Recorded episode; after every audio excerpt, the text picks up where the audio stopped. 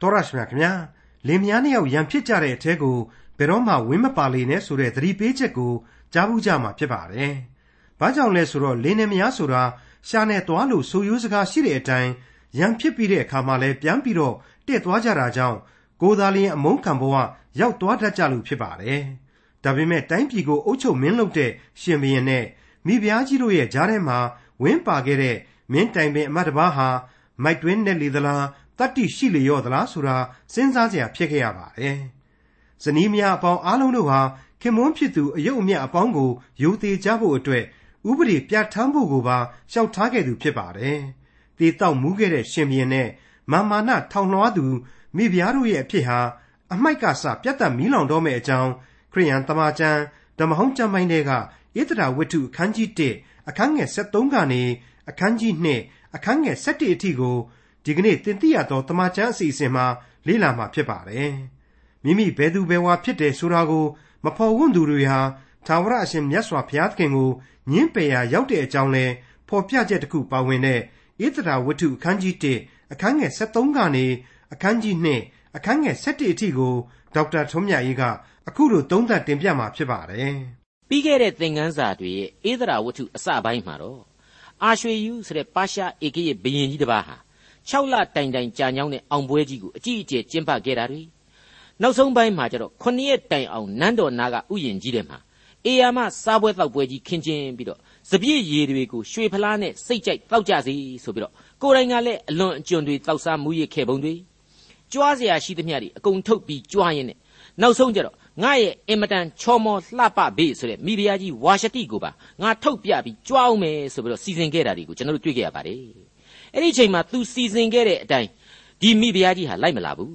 ငါယောက်ျားစိတ်ချမ်းသာအောင်အိန္ဒိယမပြတ်အောင်ငါလိုက်သွားမှာပဲကောင်းမှာပါလေဆိုတဲ့အတိတရားမျိုးသူဟာမွေးပြီးတော့ဒီဘယင်ကြီးခေါ်တဲ့အတိုင်းလိုက်လာသင့်ပါရဲ့နဲ့မိဖုရားကြီးဝါရှတိတယောက်ဟာဖြင့်ခေါင်းမာစွာနဲ့သူ့ယောက်ျားကိုကံတကောစလုတ်ခဲ့ပြီးပြီအဲ့ဒီတော့ဘယင်ကြီးအနေနဲ့လည်းအင်မတန်မှယာစအိန္ဒြေပြစ်ခဲ့ရတာ မခံကြီးမခံသာဖြစ်ခဲ့ရတာနဲ့တကွဒေါသအမျက်တွေကချောင်းချောင်းထွက်ပြီးတော့ဒေါသမီးလောင်လျက်နေတော်မူ၏ဆိုပြီးတော့တောင်မှကျမ်းစာကဖော်ပြခဲ့ရတာတွေကိုကျွန်တော်တို့ကြားနာခဲ့ရပါပြီဒီကနေ့ဖို့မှာတော့ဒီကိစ္စတွေဟာဘာတွေပဲလို့ဆက်ပြီးဖြစ်ကုန်တော့မယ်ဆိုတာကိုဧသရာဝတ္ထုအခန်းကြီး1အငယ်73ကနေ76ကိုစတင်ဖတ်ရှုကြည့်ခြင်းအပြင်လေ့လာသွားကြပါစို့ထိုအခါကာရှေနရှေသာအာဒမာသတာရှိရှာမေယေမာသေနာ မတ်မှုကန်ကြီးဟုသော ရှင်ဘရင်ဤမျက်နှာတော်ကိုအစဉ်ဖူးမြင်၍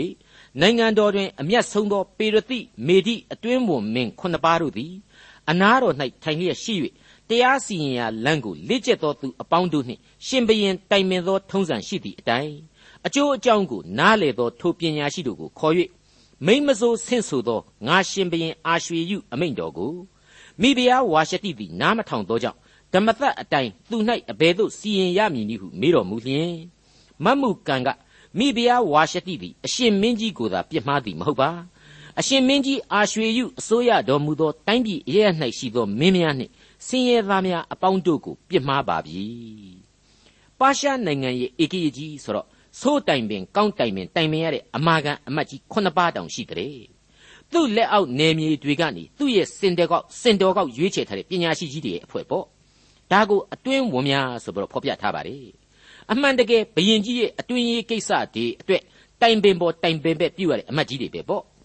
အဲ့ဒီအမတ်ကြီးတွေကိုခေါ်ပြီးတော့ဒီမိဖုရားကြီးသူ့စီကိုကြွမလာတဲ့ကိစ္စသူခေါ်တာကိုညှင်းဆန်တဲ့ကိစ္စကိုတိုင်ပင်နေတယ်ကျွန်တော်အခုခေတ်အမြင်နဲ့ဆိုရင်တော့ဘယင်ကြီးတစ်ပါးလုံးလုံနေပြီးတော့အမှကိုမိဖုရားကိုစကားနားမထောင်တာများအမတ်တီခေါ်ပြီးတိုင်ပင်ရတယ်ရှိသေးတယ်ဆိုပြီးတော့တွေးလို့ရကောင်းရမယ်နှာခေါင်းရှုံလို့ရကောင်းရမယ်လို့ထင်ပါတယ် ဒါပေမဲ့အဲ့ဒီခေတ်တုန်းကတော့အဖက်ဖက်ကပြည့်စုံနှင့်နေတဲ့နိုင်ငံကြီးဟာဒီလိုပဲအလုံးမရှိကြောင်ရည်ချိုးတာဖြစ်နိုင်ပါတယ်ပြီးတော့မိဖုရားကြီးမှာကလည်းဘယ်လိုကြောတော့နောက်ခံရှိနေတယ်ဘယင်ကြီးကိုတောင်မှပြန်ပြီးတော့အာခံနိုင်လောက်တဲ့ဘယ်လိုအရေးအချင်းမျိုးတွေရှိနေတယ်ဆိုတာကိုကျွန်တော်တို့ဘယ်သူမှအတိအကျပြောလို့မရနိုင်ဘူးလေဒီလိုမိဖုရားကြီးအနေနဲ့ဘယင်ကြီးခေါ်တာကိုမလာတာကိုကပုံကန်ချင်းအဆင့်လောက်သဘောထားเสียအကြောင်းလားဆိုတာလေကျွန်တော်တို့မသိနိုင်ဘူး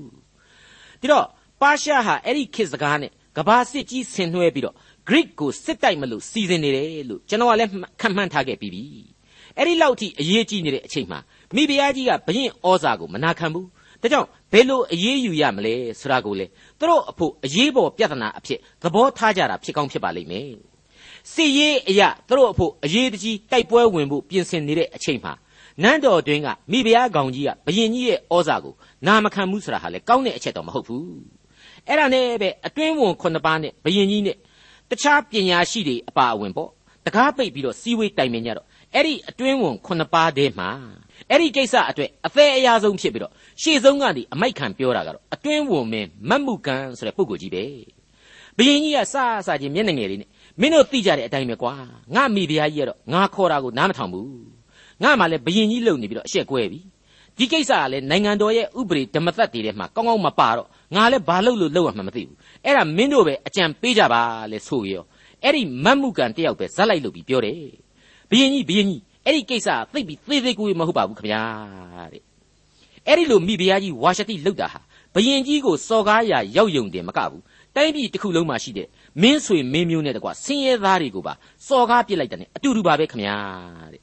အဲ့ဒါကိုတချို့တချို့သူတည်တည်တွေကတော့ကြောက်တွန်းတာဆိုပြီးပြောပါတယ်ကျွန်တော်ကတော့ကြောက်တွန်းတယ်လို့မထင်ပါဘူး အစင်းဘိမ့်တက်တယ်လို့လည်းမယူဆပါဘူးဒါဟာအသက်ကိုဖက်နဲ့ထုတ်ပြီးပြောရတဲ့ကိစ္စ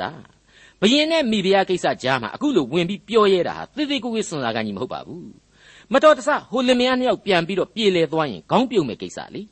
အ ਨੇ ဆုံးအလုတ်ပြုတ်လောက်တဲ့ကိစ္စဖြစ်ပါတယ်ဒါကိုမတ်မှုကံဟာဘာမှသူ့ရဲ့နောင်ရေးကိုမစင်စားပဲနဲ့ဝင်ပြီးပြောဝွန့်ဒါဟာအကြောင်းရှိရလိမ့်မယ်အဲ့ဒီအကြောင်းကဘာအကြောင်းဖြစ်နိုင်တယ်လဲကျွန်တော်စဉ်းစားမိသေးရတော့ အဲ့ဒီမတ်မှုကံဆိုတဲ့အတွင်းဝန်ကြီးဟာ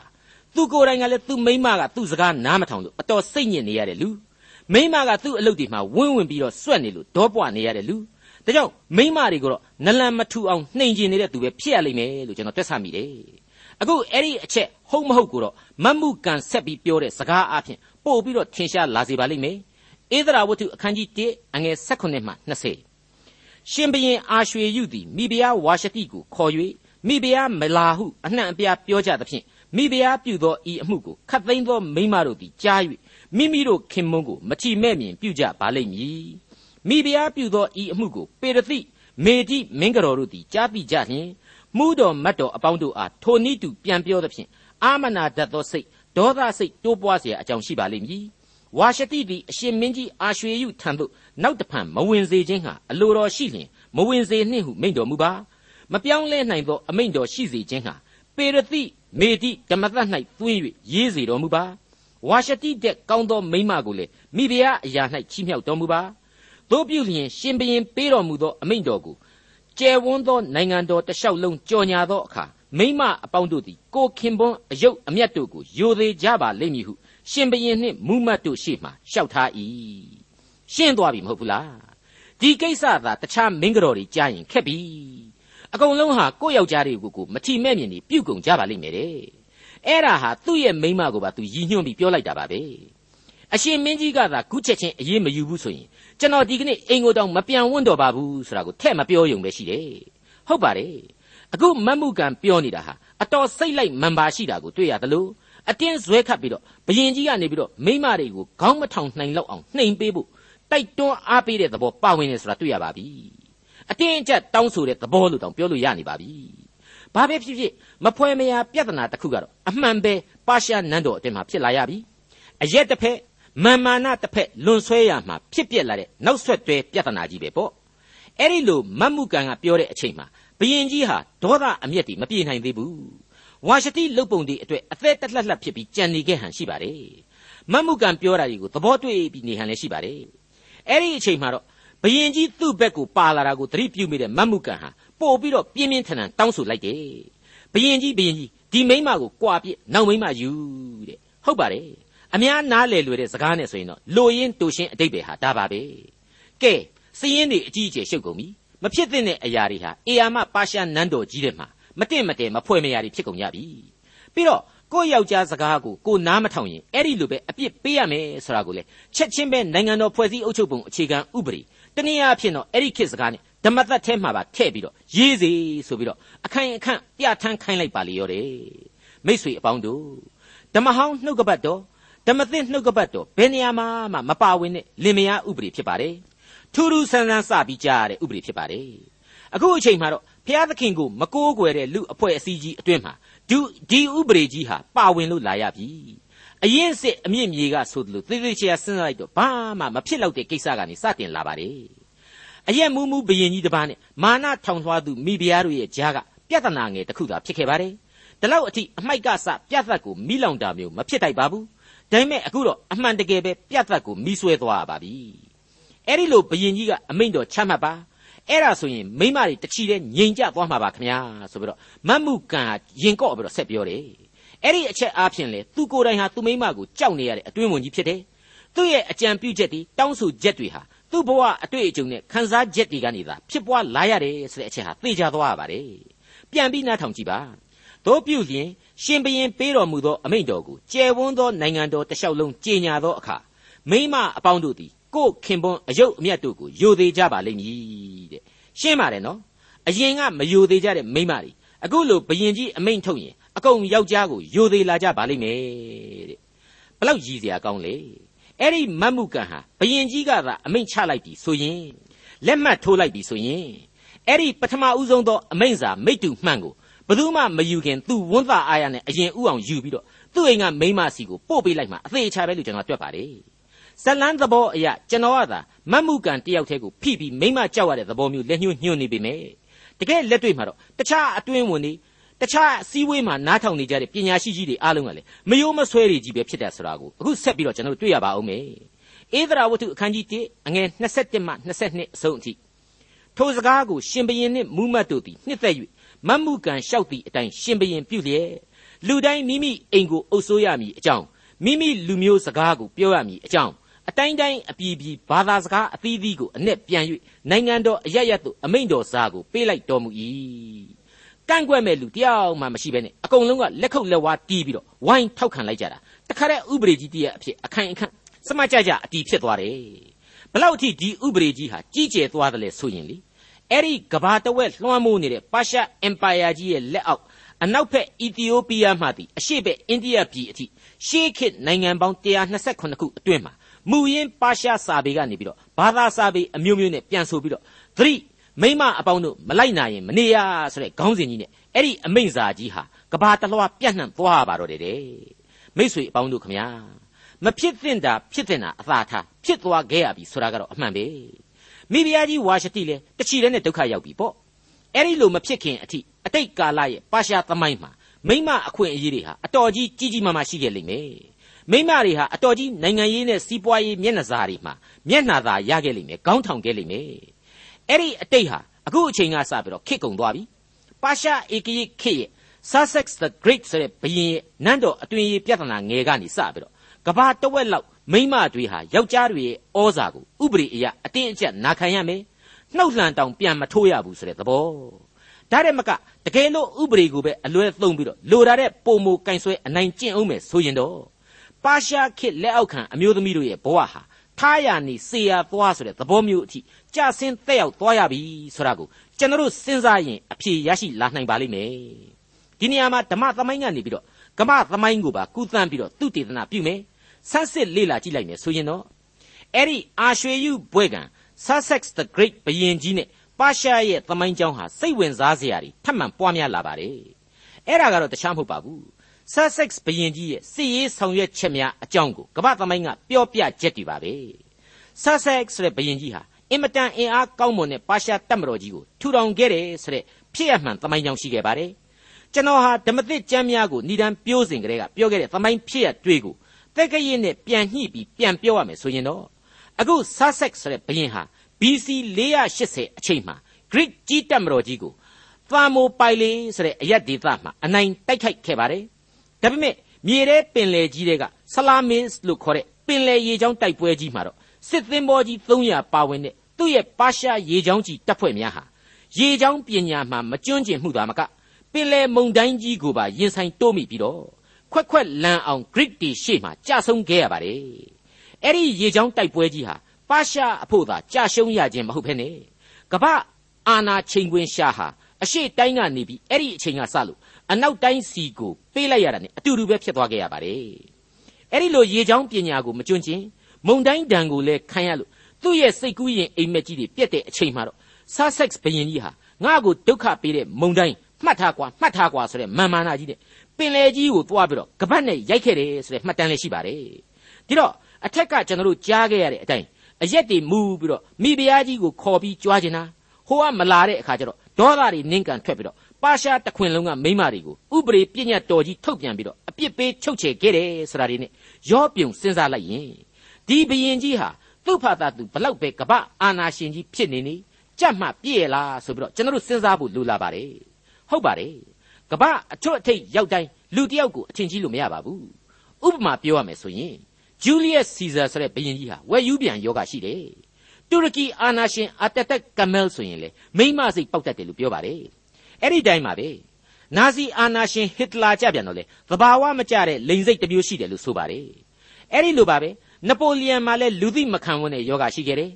နီရိုစီဇာဆိုရင်သွေးချောင်းစီးတာကိုသိကျင်တယ်မြင်ကျင်တယ်မြို့တော်ကြီးကိုမိတိုက်ရတာကိုဂုံယူခြင်းနဲ့စိတ်ရှိတယ်စသဖြင့်ကျွန်တော်တို့စာပေတွေမှာဖတ်ရပါတယ်အဲ့ဒီအချက်တွေဟာလူသားမှန်ရင်တယောက်မှကြက်မပြည့်ဘူးဝဲဥတစ်ခုခုတော့ခြောင်တက်စမြဲဆိုတဲ့အပြစ်လောကလူဘဝအကြောင်းကိုထင်ဟပ်ပေါ်လွင်စေနေတဲ့အမှန်လို့ကျွန်တော်ထင်ပါတယ်ဒါကြောင့်မို့လို့လေကဘာကြီးကိုလွှမ်းမိုးခြင်းလာပြီအာနာကိုငန်းငန်းတက်လိုချင်လာပြီဆိုရင်တော့အဲ့ဒီလိုခေါင်းဆောင်မျိုးကို ပြည်သူလူထုဟာတညီတညွတ်ထိဆန္ဒပြုပြီးစိတ်ယောဂအခြေအနေရှိမရှိဆေးစစ်ပြီးစိတ်ချရမှခေါင်းဆောင်တင်တိုက်တယ်လို့ပဲကျွန်တော်ကတော့သိပ္ပံနိကြဒီနေရာမှာဖြစ်ဆွဲချင်ပါတယ်ကျွန်တော်တို့ကြားခဲ့ရတဲ့အတိုင်းကပ္ပခေါင်းဆောင်ကြီးတွေအကုန်လုံးကြက်ပြေတာတယောက်မှမရှိဘူးလေရှင်းနေတယ်မဟုတ်ဘူးလားဒီတော့အပြစ်လူပေါင်းကဘယ်လို့မှမရှောင်နိုင်တဲ့အပြစ်သားအချင်းချင်းပဲတက်ပြီးတော့ကမ္ဘာလောကကြီးကိုခေါင်းဆောင်ခဲ့တဲ့အဖြစ်တစ်နှစ်တွေထဲမှာတော့အခုပါရှားခေါ်ပေရတိဧကရစ်ဘယင်ကြီးအာရွှေယုရဲ့အကြောင်းဟာလည်းပေါ်နေပြီ သူ့ရဲ့အကြောင်းဟာဓမ္မသမိုင်းရဲ့ဧဒရာဝတ္ထုအဖြစ်ကျွန်တော်ရှေ့မှာရောက်ရှိနေပါပြီမိမတယောက်ရှေ့တော်မှောက်ကိုရောက်မလာခြင်းကစလို့ဧကရစ်မင်းမြတ်ကြီးရဲ့မိလို့ပူလောင်တဲ့အမျက်တော်တွေဟာဘယ်လိုပြေပြောက်ရတော့မယ်ဆိုတာကိုတော့အခုဆက်လက်နားဆွင့်ကြည့်ကြပါဦးဧဒရာဝတ္ထုအခန်းကြီး2အငယ်1တဖန်ရှင်ဘရင်အာရွှေယုသည်စိတ်တော်ပြေသောအခါဝါရှတိကို၎င်းသူပြုသောအမှုနှင့်သူ့တစ်ဖက်၌စီရင်သောအမှုကို၎င်းအောက်မေ့တော်မူ၏ အလေးနဲ့ပြုရမယ့်ကြမ်းကိုအခန်းကြီး2ဟာဖွင့်လှစ်ပေးလိုက်ပါတယ်ဒီကြမ်းကိုအင်္ဂလိပ်သမာကျမ်းစာကစတင်ဖွင့်လှစ်ပေးလိုက်တာဟာပို့ပြီးတော့အတိတ်ပဲပါပါတယ်အသားပါပါတယ် after these things ဆိုပြီးတော့ဖော်ပြထားခြင်းဖြစ်ပါတယ်ဤအဖြစ်အပျက်တို့ဤနောက်ဝဲဆိုတဲ့သဘောပေါ့အတိုင်းအတာမရှိတဲ့အဖြစ်အပျက်တွေအမျိုးအမည်ခွဲခြားမထားတဲ့အရာတွေဟာဖြစ်ခဲ့တယ်ဆိုတဲ့သဘောပဲပြီးတော့သူပြုသောအမှုနှင့်သူတစ်ဖက်၌စီရင်သောအမှုတို့ကိုသူအောင်းမိတယ်ဆိုပြီးတော့ပေါ်ထွက်လာပြန်ပါတယ် အခန်းကြီး1အတွင်းကသူ့ရဲ့အင်အားပြပွဲကြီးနဲ့အလိုအလျောက်ဆက်ဆက်နေတယ်လို့ဆိုရင်ဖြစ်နိုင်ပါလိမ့်မယ်ဘာဖြစ်နိုင်ပါသလဲကျွန်တော်ကတော့ Greek ကိုဒီဘရင်ကြီးဟာသွားရောက်စစ်တိုက်ပြီးတော့ခွက်ထိုးခွက်လန်ရှုံးခဲ့ပြီးတဲ့အထိဒီဘရင်ကြီးဒုက္ခရောက်ခဲ့ရပြီးပြီလမ်းပြန်ပြီးတော့နန်းတော်ကိုပြန်ရောက်လာပြီမိဖုရားကြီးဝါရှတိဆိုတာလေဘယ်ရောက်လို့ဘယ်ပေါက်မှမသိတော့ဘူးဒီတော့စိတ်ရောလူရောအကုန်လုံးချွတ်ချုံကြပြီးတော့နေမတိထိုင်မသာတွေဖြစ်နေပြီလို့ကျွန်တော်ဆိုချင်ပါတယ် သာမိုပိုင်လေးကုန်းချောင်းချီတိုက်ပွဲမှာလေပါရှားဟာအကြီးအကျယ်နိုင်တယ်လို့သာပြောရတာပါသူတို့ကလူအင်အားကိုပို့ပြီးအားကိုးတယ် Greek တွေကစစ်ပညာကိုပို့ပြီးအားကိုးတယ်အဲ့ဒီတော့ဒီပါရှားတွေဟာနိုင်သာနိုင်တာအတော်ကြီးကြဆုံးကြံခဲ့ရတယ်ကြဆုံးတာတွေကအရန်များတယ်ဒါကြောင့်မလို့အဆုံးအဖြတ်ရှုထောင့်ကနေသာနိုင်တယ်လို့ပြောရတာပါပါရှားအလံကိုထောင်ဖို့အတွက်အောင်ပွဲခံတပ်သားဟာအတော်နှဲပါသွားတယ်အသက်တွေအများကြီးပေးခဲ့ရတယ်လို့ဆိုပါတယ်အဲ့ဒီတော့ ဒီဘရင်ကြီး Sussex ဟာအာရွှေယုဟာဘယ်ဘက်ကမှစိတ်ချမ်းသာစရာမရှိဘဲနဲ့နန်းတော်မှာတမိုင်မိုင်တတွေတွေဖြစ်နေရတဲ့အချိန်လို့ကျွန်တော်တို့သတ်မှတ်ရပါလိမ့်မယ်အဲ့ဒါနဲ့ပဲပါရှားနန်းတော်အတိုင်းဝိုင်းဟာသူ့ရဲ့ဧကရစ်ဘရင်ကြီးရဲ့စိတ်ပိုင်းဆိုင်ရာရုပ်ပိုင်းဆိုင်ရာအခြေအနေတွေအတွေ့စတင်စဉ်းစားပေးလာကြရပါတယ်ဒါကိုအခုဧဒရာဝတ္ထုအခန်းကြီး2အငယ်1မှ4ကအခုလိုဖော်ပြလိုက်ပါတယ်အထံတော်၌ခါစားသောကျွန်တော်တို့ကလည်း အစင်းလှသောသမီးကညာတို့ကိုအရှင်မင်းကြီးအဖို့ရှာရပါမည်အကြောင်းအခွင့်ပေးတော်မူပါအစင်းလှသောသမီးကညာအပေါင်းတို့ကိုရှုရှံနန်းတော်တွင်အပြိုတော်နေရာသို့စုဝေးစေ၍နန်းတော်မိမ့်မစုအပြိုတော်အုပ်ဟေခဲ၌အပ်စီခြင်းဟာနိုင်ငံတော်အတိုင်းတိုင်းအပြည်ပြည်မင်းအရာရှိတို့ကိုခံထားတော်မူပါစင်ကြယ်စေခြင်းဟာဆေးမျိုးကိုအပ်ပေးတော်မူပါနှစ်သက်တော်မူသောသမီးကညာကိုမိဖုရားဝါရှတိအရာ၌ခံထားတော်မူပါဟုလျှောက်သောစကားကို ရှင်ဘရင်နှစ်သက်၍ထိုသို့စီရင်တော်မူ၏သူတို့ရဲ့အကြံဉာဏ်ကတော့သိပ်ပြီးတော့မကြီးမကျယ်မမြင့်မြတ်လှပါဘူးဒါပေမဲ့ဘရင်ကြီးရဲ့လောလောလတ်လတ်အခြေအနေအချိန်ခါနဲ့ကိုက်ညီနေတယ်လို့ဆိုကြပါလေအစင်းလှပသောသမီးကညာကိုအရှင်မင်းကြီးအတွက်ရှာဖွေပြရစီတတိုင်းပြည်လုံးကချောပိလှပေဆိုတဲ့အပြိုကလေးတွေကိုရှုရှံနန်းတော်ကြီးမှာခေါ်လာပြီးတော့အပြိုတော်အုပ်ကြီးဟေဂဲစီမှာစုယုံထားပေးပါမယ်ဒီကိစ္စတွေအတွက်အုပ်ချုပ်ရေးခေါင်းဆောင်တွေကိုဘယင်ကြီးကိုယ်တိုင်ကခံထားပေးပါ အဲ့ဒီခေါင်းဆောင်တွေကိုယ်တိုင်ကဥဆောင်ပြီးတော့ဒီမိမချောမိမလှတွေရှာဖွေပေးကြရပါမယ်ဘယင်ကြီးကအဲ့ဒီသမီးကညာတွေတဲကမှနှစ်သက်တော်မူသောမိန်းကလေးကိုမိဖုရားကြီးဝါရှတိနေရာမှာခံထားတော်မူပါတဲ့အဲ့ဒီမှာနေအကြီးအကျယ်စိတ်ညစ်နေတဲ့ဘယင်ကြီးချက်ချင်းပြုံးပြီးတော့တော်လိုက်တဲ့ကောင်ကြီးမြန်မြန်လောက်ကြစမ်းပေါ့အဲ့ဒီမှာနေဧသရာဝတ္ထုရဲ့အဓိကဇလန်းဟာစတင်လာပါတော့တယ်အငယ်ငါထိုကာလတွင်ရှုရှံမြို့တော်၌ဗိယမိန်အမျိုးကိရှရှိမိယာဣယတို့မှဆင်းသက်သော မော်တကဲအမည်ရှိသောလူတစ်ယောက်ရှိ၏အဲ့ဒီအချိန်ကာလတုန်းကရှုရှံမြို့တော်မှာနေနေတဲ့ယုဒအမျိုးသားတစ်ယောက်ကိုစတင်မိတ်ဆက်ပေးလိုက်ပါတယ်သူကတော့ဗိယမိန်အမျိုးကဆင်းသက်တယ်ဒီတော့ဣသရေလရဲ့ပထမဦးဆုံးမင်းဆက်ဖြစ်တဲ့ရှောလူဘုရင်ရဲ့အမျိုးအနွယ်ဖြစ်တယ်ဆိုတာပေါ်လာပါတယ်ဒီတော့သူကသိပ်ပြီးတော့ညံ့ညံ့ဖြင်းဖြင်းအစားတွေကမဟုတ်တာကိုအငယ်6အရာဆက်လက်ပြီးတော့ကျွန်တော်တို့တွေ့မြင်ရအောင်ပါပါ